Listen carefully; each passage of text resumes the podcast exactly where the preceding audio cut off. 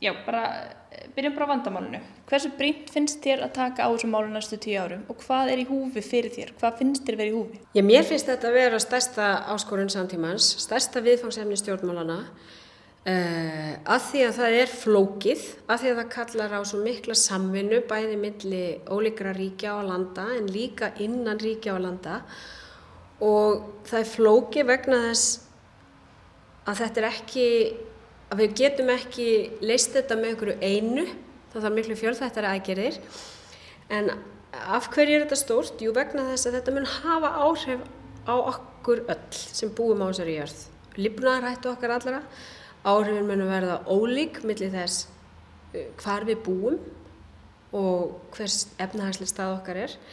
En þetta mun hafa áhrif á alla jarðabúa og við erum þegar farin að sjá afleðingar sem vísindamenn hafa verið að vara okkur við árum saman að kunna vera á leðinni og þess vegna er svo mikið vægt að breyðast við því það sem við höfum samþygt að gera og það sem íslensk stjórnvöld samþygtu að gera á Parísar rástefninni 2015 eh, var að standa saman með ríkjum heims um að reyna að draga úr gróðrús og loftegundum þannig að við uh, stefnum að því að hlínun fari ekki umfram einu og halva gráða og það er mikilvægt að við stöndum við þessar skuldbyttikar.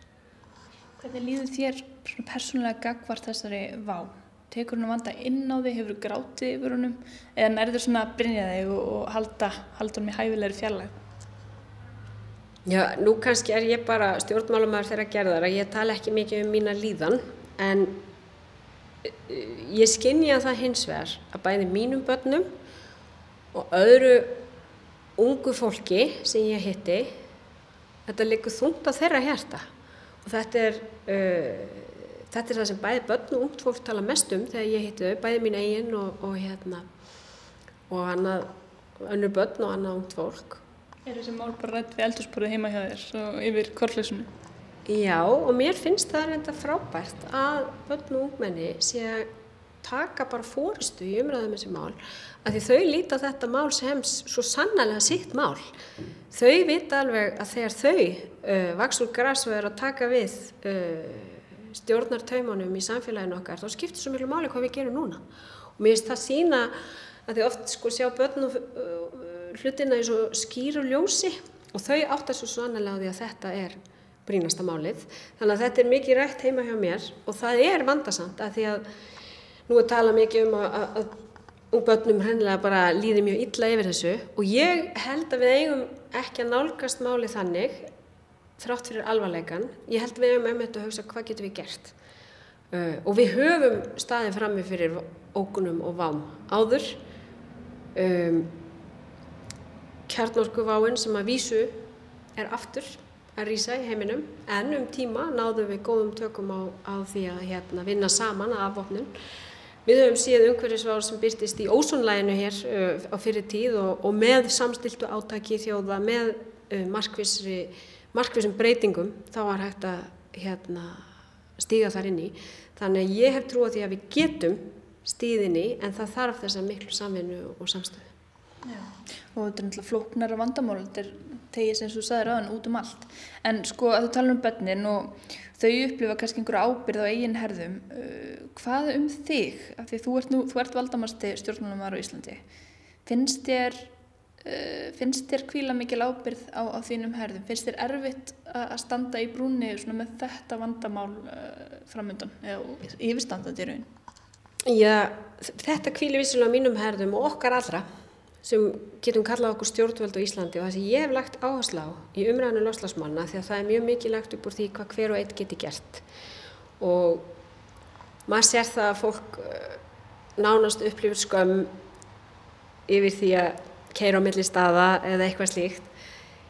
Það er mjög mikilvægt að hver og einn ekki sitta mörgum en ábyrðin hlýtur alltaf að vera stjórnvalda þeirra sem leiða í ríki og sveitafélögum atvinnulífsins og fórustu fólks í atvinnulífi þar með tali verkefliðsreifingar þannig að ég segi við skulum hafa það alveg skýrt og það eru við sem verðum að draga vagnin og síðan skiptir okkur miklu máli auðvitað hver og eitthvað ekki sitt lóða voðaskólar en þessi, en við getum ekki lægt einhvern meginn þessa byrðar bara á hvern og einn og sagt þið verðið að redda þessu, það er ekki þannig. Og það sem stjórnvöld gera og þessir aðilar allir, þar verðum að hafa í huga að aðgerðina verða að fela í sér ákveðið félagslegt réttlæti. Við getum ekki bara sagt við ætlum hérna e, við ætlum að leggja álögur til að mynda og tekjulagstu hópana í samfélaginu til þess að mæta loslasmanni. Við þurfum að ráðast í þessar aðgerir samhliða því að tryggja réttlæti og jöfnuð í samfélaginu og það verður líka uh, flókin umræðar sem við hefum séð brjótast út til dæmis í löndunum í kringum okkur. Þetta var bara í Fraklandi þá, ertu að vísi gulvestunga og það? Ég er að vísi gulvestunga og, og, og hækkandi bensínverð og annað slikt og þess vegna þurfum að hafa í huga við þurfum að vera stuðlað samhliða aðgjörum gegn loslasvanni, þurfum við að vera með aðgjör sem stuðlað félagslegum stöðuleika og þessi svona vít, uh, réttlætisvít uh, finnst mér mjög mikilvæg í allir umræðum loslasmál því það er alveg á hreinu að bæði uh, afleðingar uh, lofslagsvárunar og, og sömulegis aðgerðana gegn henni þær geta byrst með mjög mismunandi hætti fyrir ólíka hópa og þar þurfum við stjórnvöld að vera mjög meðvituð. En ég vil líka segja það að mér finnst bara því nú er ég búin að vera í þessari umræðu mjög lengi og vinstri hreyfingi grænt frambóð álíktað um lofslagsmál þegar hún var stopnud árið 1999.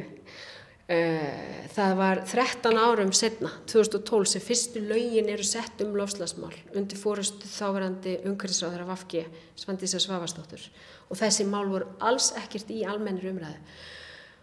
En mér finnst það frábært að sjá hvað við erum að sjá bara ólíka stjórnmálarflokka taka þessi mál upp Uh, við erum að sjá almenningi í landinu líka taka þessi mál upp og við erum að sjá atvinnulífi koma inn í þessi mál því það sér alveg að lofslagsmálinn og umhverfismálinn eru bara risastór breyta fyrir þeirra framtíðarhag. En sko, þetta er náttúrulega að tala um aðgerðinar, tala um afleggingarnar, hvernig á að takast á þetta, hvernig á að ráðast í aðgerðinar mm. og það verður pólitist, það verður að taka pólitískar ákvarðanir Þetta er allt löðrandi pólitík og líðræðið er rosalega tímafrægt. Við höfum hérna samkvæmt eh, milliríkjarnæmt saminuðu þjóðana einhver já, 11 ár núna. Uh, Pólariseringin er að aukast. Er líðræðið kannski bara fyrirstað þegar kemur þetta að gera þessar söðu breytingar sem það þarf að gera á bara, já ég er bara strax og halda áfram að gera næstu árum? Já, sko það trubla mig alltaf þegar eh, fólk talar fyrir því að við kipum hreinlega úr sambandi einhverjum líðræðislegum Eh, verkferðlum af því að staðan sé þannig. Að því að almennt held ég að líðræði sé svo gríðarlega mikilvægt stjórnunaform að mér finnst að það verði ávalt, við þurfum ávalt að vinna hlutina með þeim hætti. En ég vil líka segja það, það er alveg rétt sem þú segir við erum að sjá aukna jöðrun í þessari umræðu við um heim. Eh, bandaríkin að draga sig út úr Parísir samkommuleginu og svo dæmi sér tekið en á sama tíma eru Eh, einstaka ríki og einstaka stofnannir innan bandarækjana að leggja mjög mikið að mörgum. Ég myndi segja allavega hér á landi eigum við mikil tækifæri til þess að skapa samstöðum aðgerir og mér finnst við vera að fá mjög mikil stuðning frá almenningi í þeim málum, bara ef við tökum skoðanakannanir, ef við tökum hvað fólk er að gera Við erum að sjá það að við kynntum hér fyrir ári, réttu ári, okkar fyrstu aðgerða allir í lofslagsmálum sem við munum svo endur skoða og við erum þegar farin að bæta við aðgerðum og það sem hefur gerst síðan er að við erum að sjá allavega mjög meðvita val hjá almenningir að nýta sér til dæmis ívilnanir til þess að fjárfæst í grænum, aukutækjum, rafhjólum og öðru slíku. Þannig að ég ætla að leifa mér að segja að í gegnum líðræðislega ferla höfum við náð þegar árangri en það breytir því ekki að það er alveg gríðarlega mikið verk óunnið. Og þetta er allt hvað sem þarf að gerast hratt og finnst þér þá að þurfi einfallega bara valdbeiting og ofan? Það er sem þú tala um stjórnmálamenn þurfa að taka harðara og erfiðar ákvarðanir sína hugur ekki eitthvað svona. Um, er, er það, væri þannig lagað bara of hættöld af því að það fengið bara kannski bakslag og allir eru brjálæðir Já eins og ég segi, sko þeir stjórnmálamenn sem tala mest um sterkar stjórnmálamenn eru sömu stjórnmálamenn og gaggrina hvað mest þegar stjórnvöld beita uh, valdi sínu til þess að stula að þróun í þá átt sem ég til rétta fyrir samfélagi. Þá er ég að tala til dæmis um græna skatta, græna ívilnanir sem ríkistjórnin er að kynna núna. Ég er að tala um þá ákvörðun okkar að uh, taka fyrir innflutning á bensín og dísilbílum frá árunni 2030. Ég við erum þegar búin að kynna hvað stjórnvöld vilja set gera til þess að beina hlutum í rétta átt. Uh, en það að sjálfsögðu munum við afgræða með líðræðislegum hætti. Uh, ég hins vegar hef bara töluverða vantrú á þeim sem trú á það að einstakir stjórnmálamenn geti eigi að vera lausnin sem jafnvel fari á svig við reglur og lög samfélagsins og líðræðislega vilja. Því ég held einmitt að það muni skila bakslægi síðar. Kannski segjum bara þegar við stefnum náttúrulega á þessar þrjár gráður og það lítur ekki dvola vel út og þá náttúrulega munum við fara já, auki ála á jörðina eftir að valda aukna álægi á samfélagið. Mm -hmm. uh, þá kannski, ég veit ekki, skiptir meira máli að standa vörðum líðræðið uh, heldur en að uh, leggja alltaf veði núna og kannski þá vegað öðrum þáttum til að minga losununa Já, ég er þar og ég held að það skipti meira máli, eða meira máli, ég held að skipti bara mjög miklu máli bæði að fara í mjög markvísar aðgerðir og að standa vörðum líðræðið og þar felur líka í sig þetta sem ég nefndi hérna að þessar aðgerðir þurfa að vera réttlátar líka í eðlisínu. En það er náttúrulega ekkert, ekkert eitthvað lítið útfæslu aðtriði að reyna að gera þær réttlátar, sérstaklega auðvitað verða harðar aðgerðir. Já þetta er auðvitað, ég menna það er heilmikið útfæslu aðtriði en við sjáum það líka ef við tökum bara hluti á borði græna skatta þeir, það hefur sínt sig í nákvæmlega landum okkar að þeir hafa haft áhrif á hegðun fólks án þess að draga úr lífsgæðum þess. En hins vegar er það þannig og það er hluti af bara þeim vanda sem við stöndum fram með fyrir er að uh, við höfum auðvitað bara nýtt einfalda mælikvarða verklar þjóðaframleyslu til þess að mæla gengi okkar. Uh, við erum ekki að nýta þá fjölbreyttu mælikvarðar sem mæla þjóðarhag með öðrum hætti í næjanlega miklu mæli. Þannig að ég held að þetta snúist ekki bara um aðgerðir sem beinlýnis má kalla lofslagsmál. Þetta snýst líka um það bara hvernig við metum samfélag og við erum núna að fara uh, hófum í fyrra samstarfi í Nýjasjáland og Skotland um velsaldarhagkerfi þar sem við erum að mæla ekki bara efnagslegt gengi heldur líka uh, gengi umhverfismála, gengi velsaldar og félagsmála að því þetta snýstum að við breytum bara allir í okkar stefnumótun stjórnvöld meðal annars í takt við loslasmarkmið en líka til að tryggja velsaldar og efnahagsleik markmið á sama tíma því ég held að þetta þarf verður að fara saman. Þú talaðum að þú að breyta hagkerfinu til þú að þú að breyta hagkerfinu hvað, hvaða skilning leggur þá í það? Hvernig hagkerfi verður það þá? Ég held að uh, við þurfum að aðlaga okkar haugkerfi að breyttum tímum og uh, þess vegna nefndi ég þetta með mælikvarðana, einföld mælinga og þjóðaframleyslu segir bara mjög afmarkaða sögu. Uh, ég hef gert það umtalsefni að við getum, að við þurfum að mæla í auknum mæli bara líðan fólks í samfélögum og setja mælikvarðana í samhengi við stefnumótun stjórnvalda. Uh, það er til dæmis eitt gott dæmi um það að ungbarnadauði hefur verið með því minnsta sem þekkist í heiminum á Íslandi árum saman sem væntanlega er beina afleðinga af þeirri, því öfluga starfi sem hér er rekið í maðuravend með þar sem aðgengi allra er tryggt að maðuravend. Um, þess vegna skiptir svo miklu máli við stefnumótum stjórnvalda núna bara á næstu árum þegar við erum í raun og veru að fara inn í svona ákvæmna breytingar til þess að mæta þessum þessari óp sem okkur stæðjar að okkur en líka að laga okkur að þeim breytingum að við setjum þetta allt í samhengi og séum ekki bara að gera eitthvað bara umhverfismegin segjum heldur séum líka að horfa hagkerfið og samfélagið í sömu andra.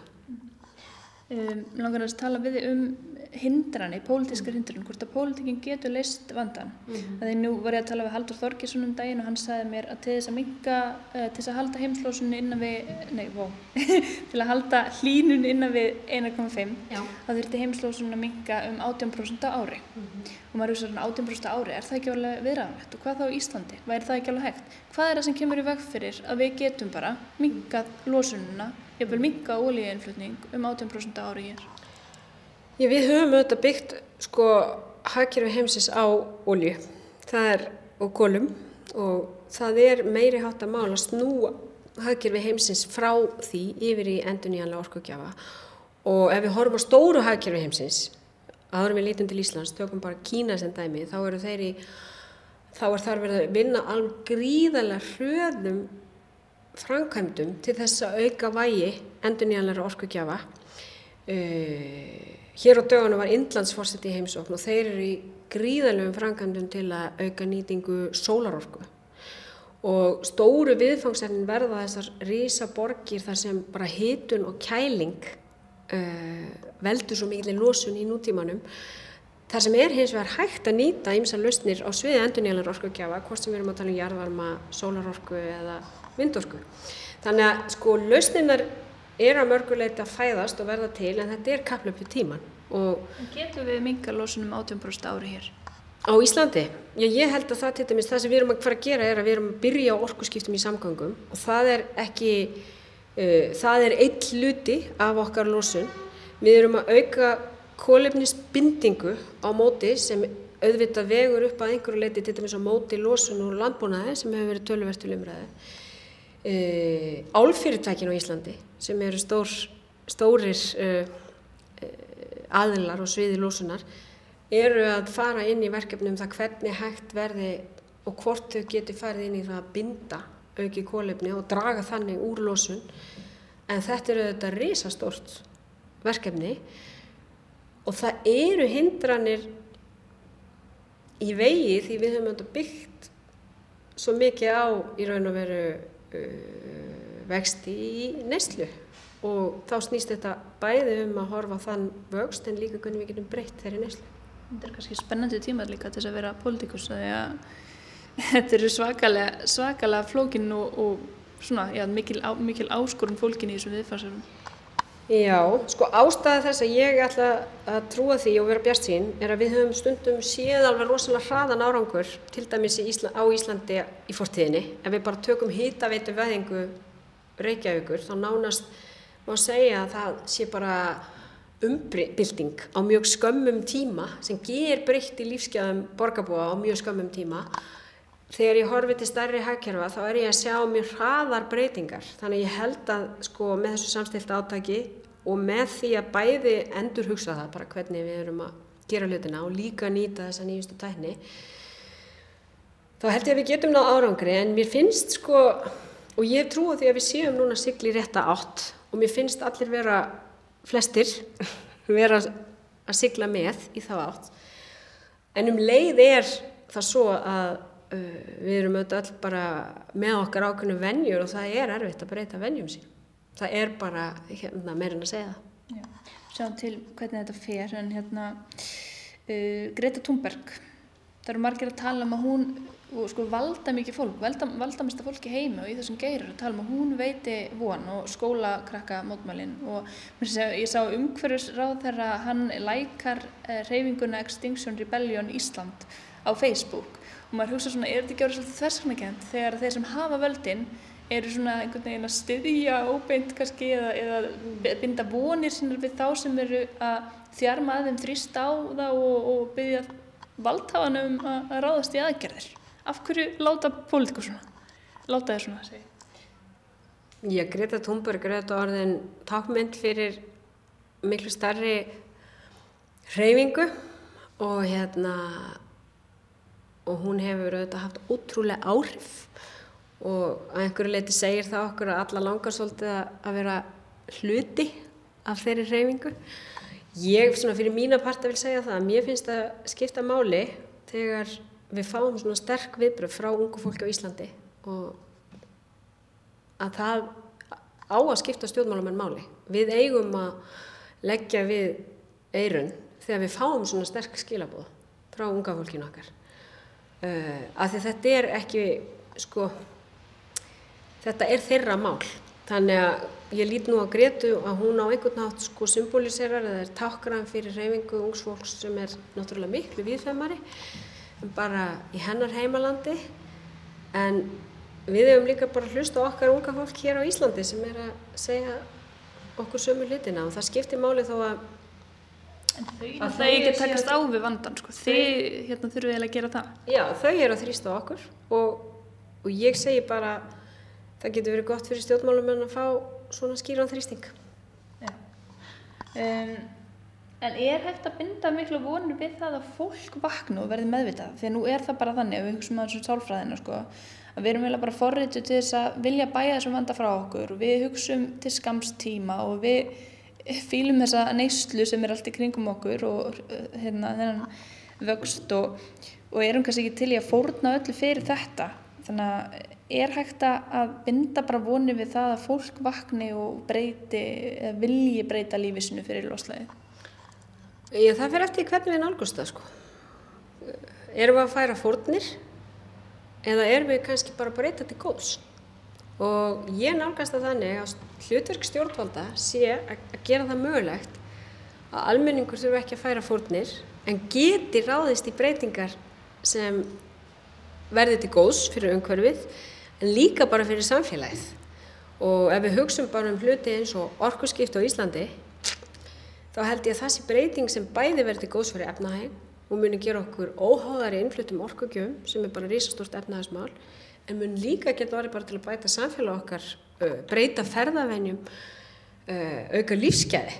Þannig að sko breytingarnar þurfa ekki endilega að félast í fórnum en þær krefjast þess að við sko veltum svolítið hlutunum fyrir okkur.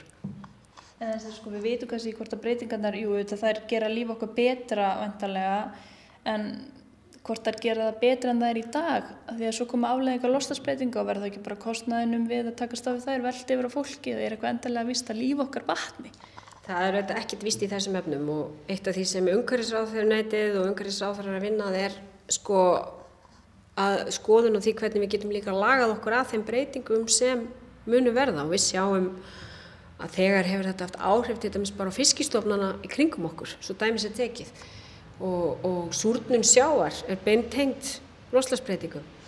Þannig að auðvitað geta þetta orðið breytingar sem verða okkur erfiðar. Ég ger ekki lítið úr því, en það sem ég bara segja er að þær geta líka uh, ef stjórnveld halda vel á spilunum og þeir sem eru leiðtogar í samfélaginu okkar eins og innan atvinnulífs og verkalýsreifingar, þá getum við líka nýtt þetta til góðs. Það er bara það sem ég er að segja, en ég held að við séum öll meðvituð um að þetta verður aldrei neitt sérstaklega auðvelt verkefni.